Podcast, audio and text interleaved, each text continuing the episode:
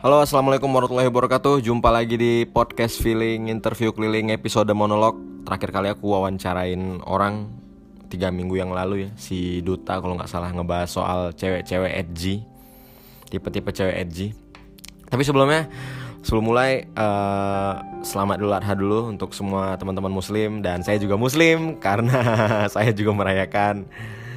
Senang sekali Idul Adha tahun ini aku ngelihat nggak ada penurunan jumlah hewan kurban. Semua tetap berkurban yang punya uang yang uangnya juga pas-pasan juga berkurban. Tadinya aku lihat di dua minggu atau tiga minggu sebelum Idul Adha masjid-masjid banyak yang masih hewan kurbannya masih kayak lima ekor, enam ekor. Tapi mendekat ke hari H kembali ke jumlah awal. Dekat rumahku juga begitu. Penurunannya cuma dibanding tahun lalu cuma dua sapi dibanding tahun lalu ya. Dulu tahun lalu tuh 23 sekarang 21 it's okay lah nggak apa-apa.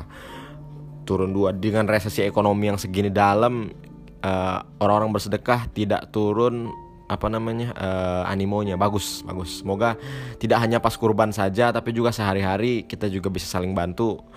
Mau itu uang mau itu makanan yang penting kasih aja ke orang-orang. Terutama orang-orang terdekat tetangga terutama ya. Kalau teman-teman aku yakin teman kita nih aku bantu teman aku nih. Iya butuh sih bantu teman, cuman aku yakin kalau kita adalah kalangan menengah pasti teman-teman kita juga di kalangan menengah rata-rata dan ada juga pasti yang menengah ke atas ya. Uh, lebih baik uh, bantu orang dekat tetangga dulu kalau udah tetangga kita makmur semua baru bantu teman dekat kayaknya tetangga kita tuh masih banyak orang-orang yang di sebelahnya makan uh, enak banget uh, GoFood PhD makan ini makan barbekyuan tapi sebelahnya ada rumah yang kadang-kadang nasi aja nggak pakai lauk cuman pakai kecap aja makan. Banyak seperti itu. Ada banyak ada sebuah gubuk di samping sebuah rumah besar. Banyak. Bantu dulu tetangga kita baru bantu teman-teman kita yang kita rasa butuhkan tapi kalau emang teman kita lagi butuh banget kita harus buktiin kalau kita tem ada ada buat dia. Ya uh, sekian dulu intermezzonya. Aku juga nggak tahu nih uh, mau ngomong apa tapi aku punya suatu ide pokok besar kita lihat aja apakah berhasil aku eksekusi dengan baik beberapa puluh menit ke depan. Aku akan ngomongin soal selera taste. Uh, baik itu selera musik selera fashion selera film ataupun selera dalam khususnya dalam bidang seni. Aku akan pindah dulu nih dari kamar ke ruang tamu biar vibe-nya oke karena ruang tamu ngadepnya ke taman gitu.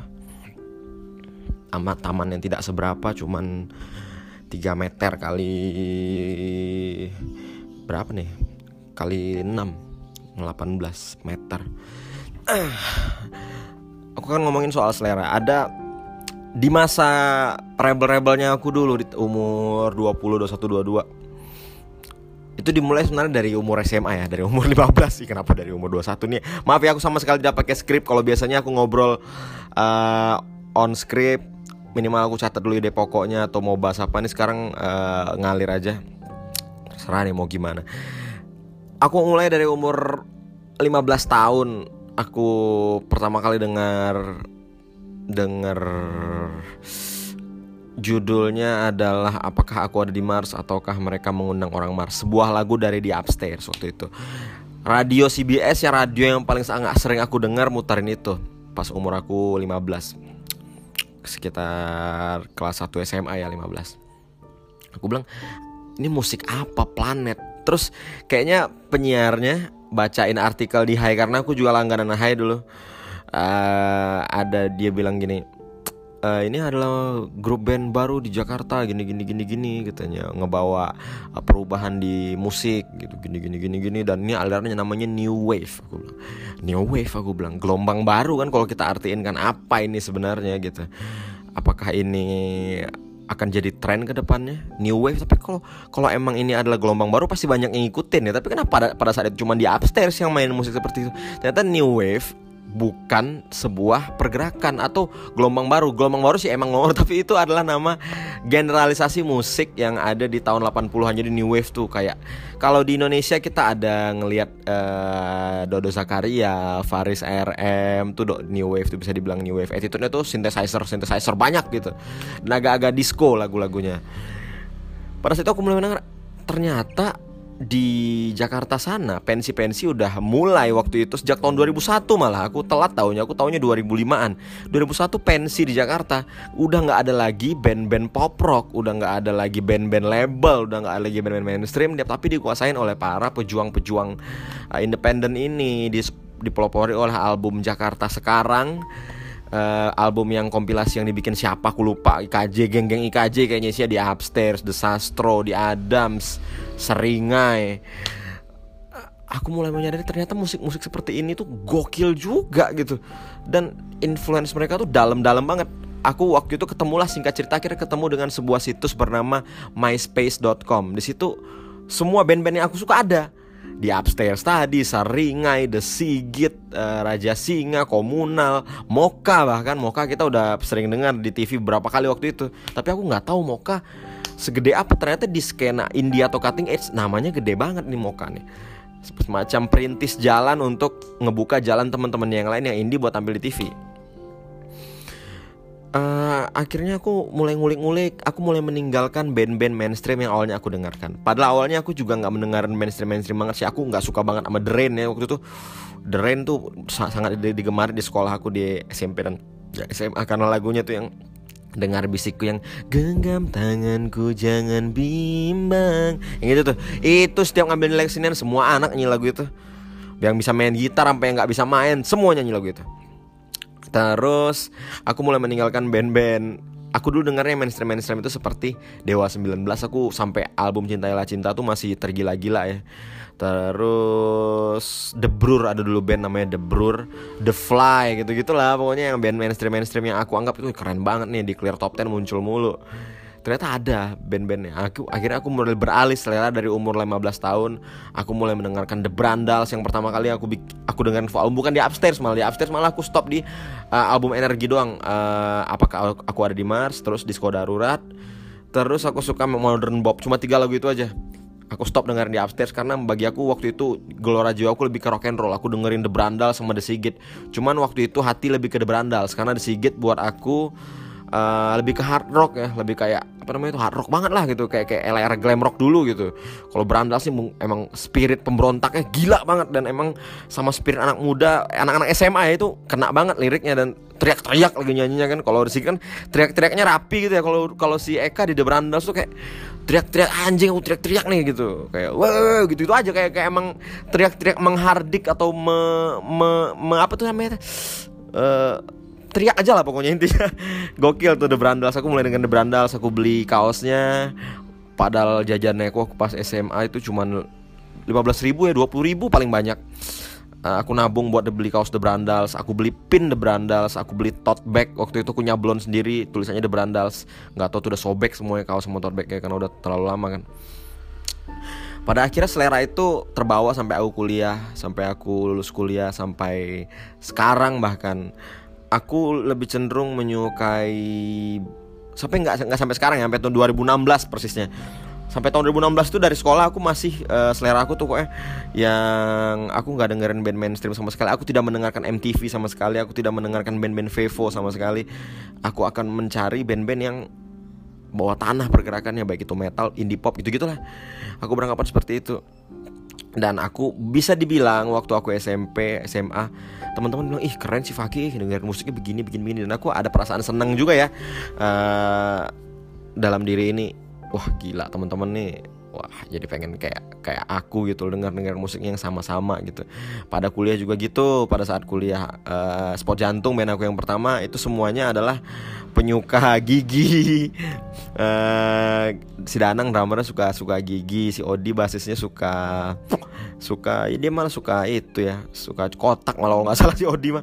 Dia pernah bawain lagu Mulan Jamila bahkan nama bandnya gokil. Terus uh, dia mulai ikut nyukain band Cutting Edge aku awalnya seneng tuh selera aku uh, beda dari yang lain gitu. Sampai akhirnya uh, semua bisa ngepengaruh. Sampai akhirnya aku ketemu ternyata di luar sana di apa namanya di ya Hollywood Hollywood enggak sih Hollywood buat film ya. Amerika dan Europe ada banyak musik pop yang sebenarnya sesophisticated musik-musik cutting edge yang aku dengar gitu. Sophisticated ini adalah maksudnya se sepunya basic jelas eh basic sepunya basic yang kuat banget, influence-nya oke. Karena kalau di Eropa dan Amerika ya labelnya aja yang mainstream, musiknya mah yang rumit-rumit juga gitu. Jadi kayak se, su, se, apa sih musik paling rumit di Indonesia? Mungkin kalau teman-teman pernah dengar ya, musik paling rumit tuh yang pernah aku dengar sejauh ini adalah band namanya Sungsang Lebam Telak. Sungsang Lebam Telak tuh adalah band post rock eksperimental, ancur lah campur gitu, tapi tetap bisa dinikmati. Mereka main musik seancur mungkin, tapi tetap bisa kita nikmati. Dan yang kayak gitu tuh juga di luar negeri juga ke cover gitu loh, juga ada label yang mengambil gitu kita tidak harus se cheesy Anji atau se komersil Yofi Widianto untuk dapat label. Kalau di sini emang harus begitu ya.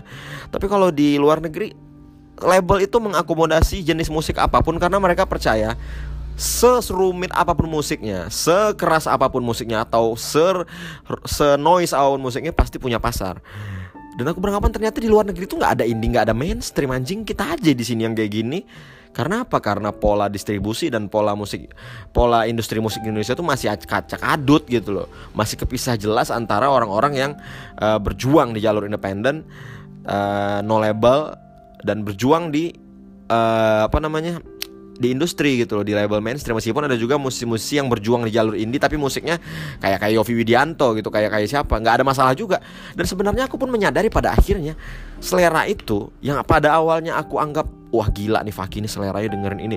Masih anak umur 15 tahun dengerin ini gitu loh. Karena aku banyak ngobrol dengan senior-senior ih si Faki gila eh umur segini ada dengerin ini umur segini ada dengerin ini gitu pada saat aku gabung juga dengan beberapa komunitas komunitas musik gitu ya uh, aku merasa teman ngobrol aku banyak yang abang-abang umur 30-an padahal aku aku masih umur 19 18 gitu Karena selera musiknya nyambung ke dia gitu.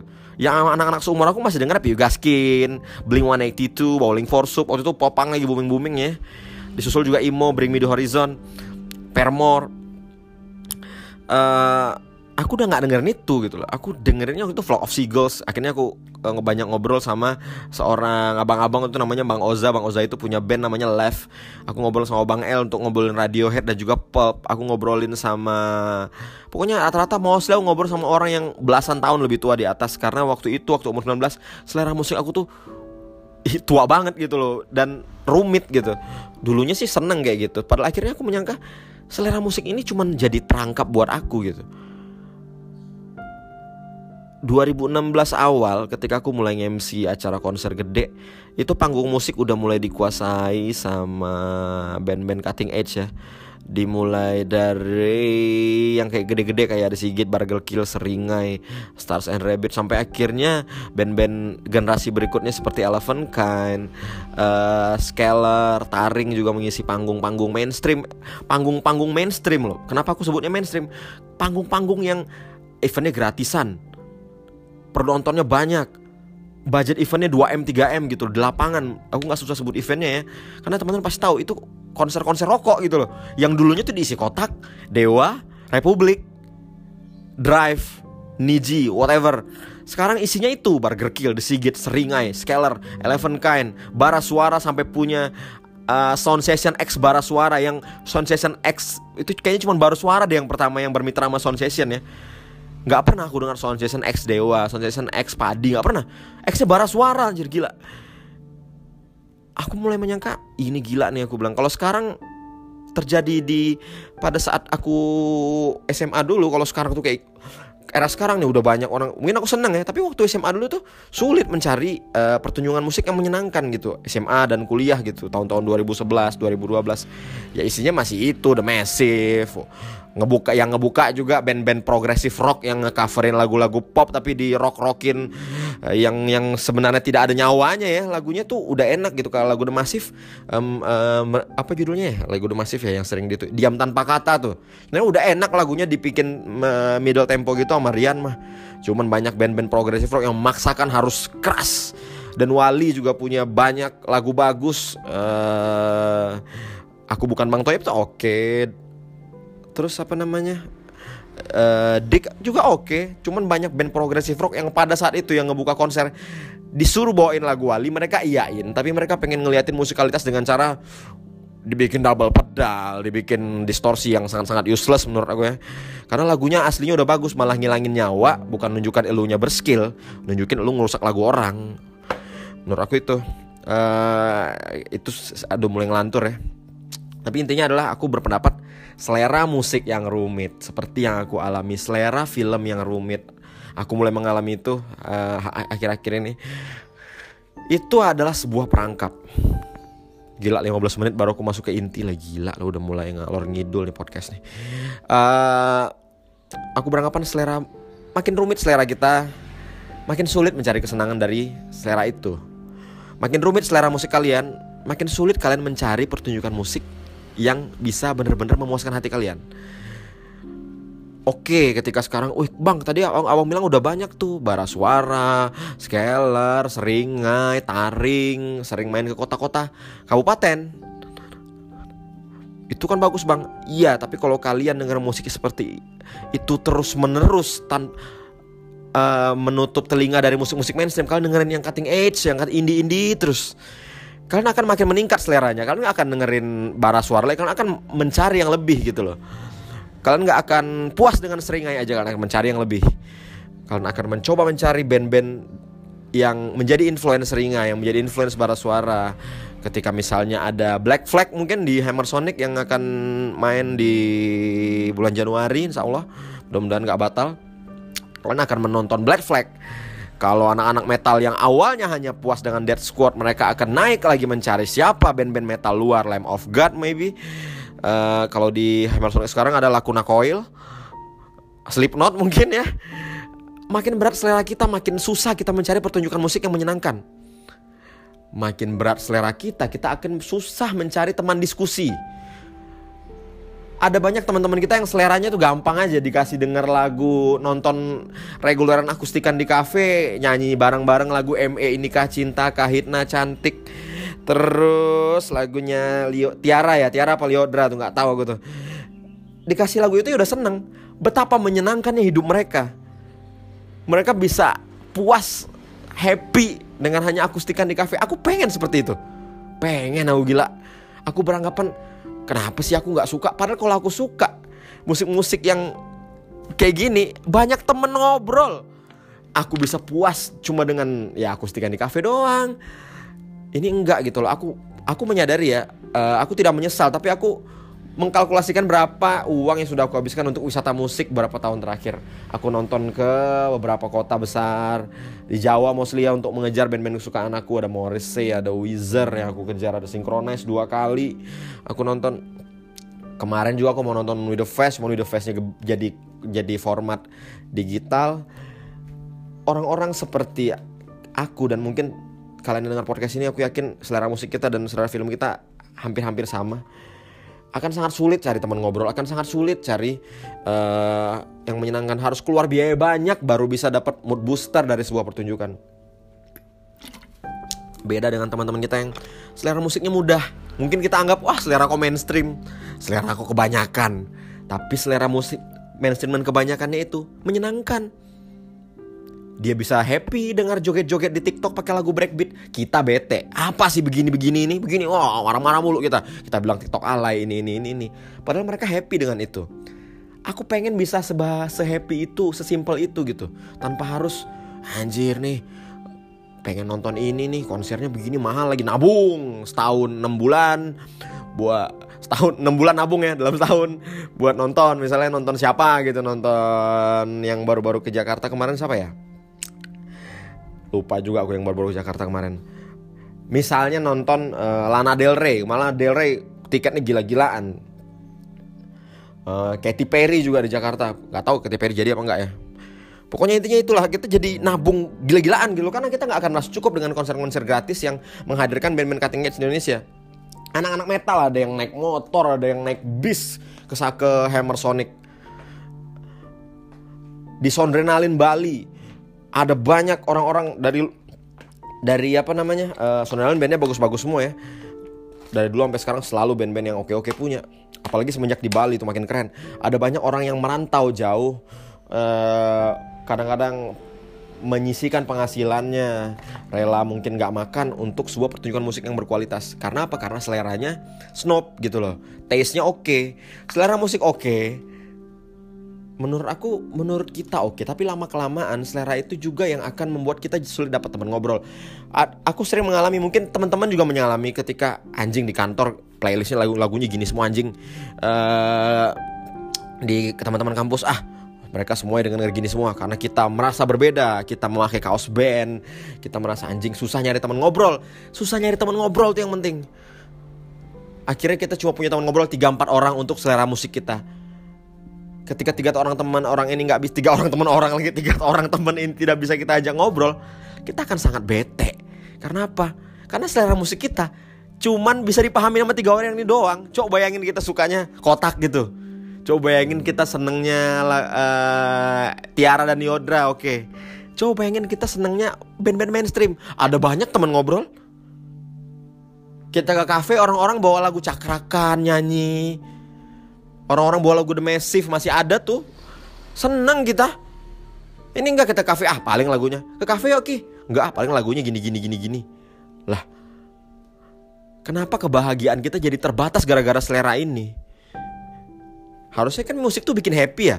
Karena ada selera ini yang kita anggap wah gila non mainstream nih selera nih, sophisticated nih cutting edge, akhirnya mengurung kita, membatasi kita karena aku bukan bilang yang cutting edge tuh nggak mau dengerin musik yang komersil ya, mau, aku juga mau dengerinnya, cuman nggak masuk gitu loh, udah dipaksain untuk suka nggak bisa karena udah kebentuk seleranya, selera yang beda gitu loh pada akhirnya sekarang aku banyak sekali mendengarkan musisi mainstream. Itu pun musisi-musisi tahun 80-an Everlasting, pop-pop Everlasting semuanya aku dengerin. Rick Astley, Pato Brinson, Stevie Wonder, Air Supply. Tapi gitu-gitu untuk musisi mainstream sekarang Aku belum bisa masuk. Padahal aku udah usahakan supaya apa?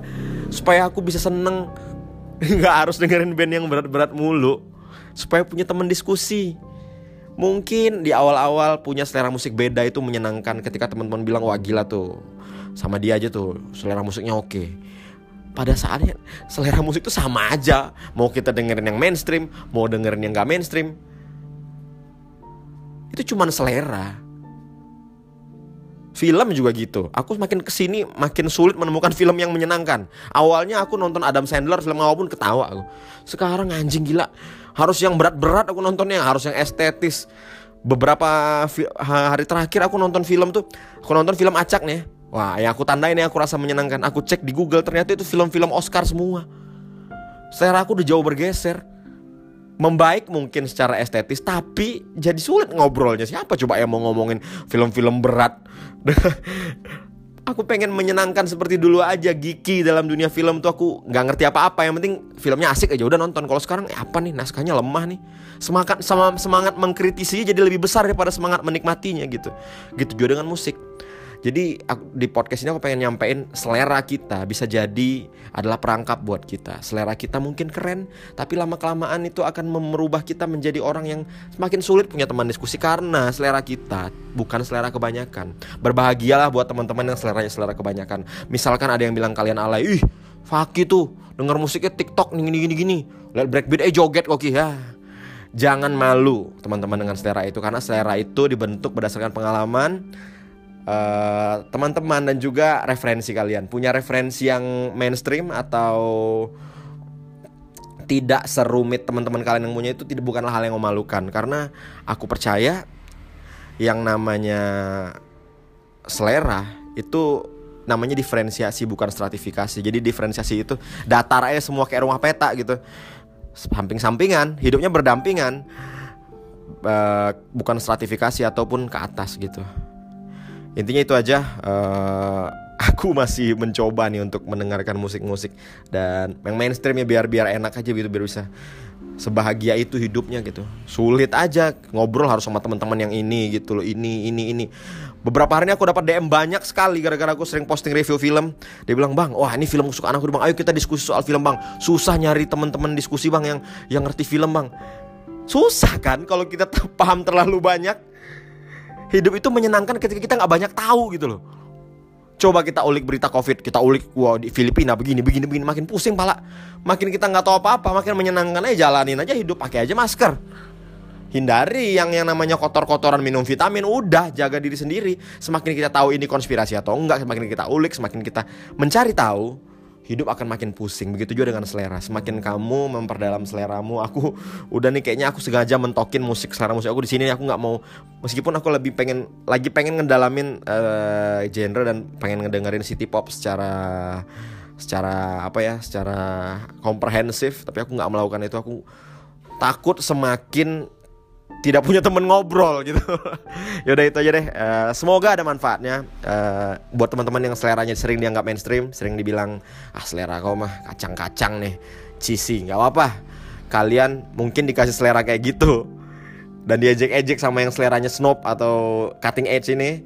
Tapi kalian punya teman banyak yang punya banyak teman ngobrol, punya banyak teman diskusi dan kebahagiaan kalian juga lebih mudah ketimbang orang-orang yang ya seperti aku lah yang selera musiknya sulit, yang jarang bisa dipuaskan dengan hanya pertunjukan-pertunjukan musik yang uh, yang yang yang ada gitu loh. Kalau sekarang sih enak ya, udah banyak band-band cutting edge yang hadir ke kota kita gara-gara juga banyak acaranya. Tapi kan sekarang lagi pospon juga kan, nggak mungkin kita bisa nonton konser lagi ya. Buat teman-teman yang bisa happy dengan hanya dengar reguleran di cafe, bagus buat kalian. Aku juga pengen seperti itu. Aku juga pengen bisa sing along di cafe dengan lagu-lagu itu gitu. Tapi aku nggak bisa karena tidak nikmat. Aku pengen karena ya begitulah karena kita pengennya mungkin awalnya selera snob ini keren, taste ini oke okay nih anjing gila nih. Ada cewek-cewek yang dengerin musik, wah kamu keren banget dengerin itu. Datanglah masuk-masuk cowok-cowok soft boy, ngajak-ngajak ngobrol musik, ngajak-ngajak nonton acara nggak apa-apa uh, tapi buat aku yang sudah mempunyai selera berbeda sejak berumur 15 tahun. Dan sekarang umur aku ya udah bertambah sangat banyak ya. Tahunnya aku ulang tahun ke 30 oke. Okay. bulan bulan Oktober dan 15 tahun. Separuh hidup aku dihabiskan untuk selera musik yang berbeda. Dan awalnya menyenangkan makin ke sini aku sadar aku kok makin kurang teman-teman buat ngobrol ya. Gila karena terlalu banyak dimensi yang berbeda gitu. Ya udah itu aja. Semoga ada manfaatnya. Thank you.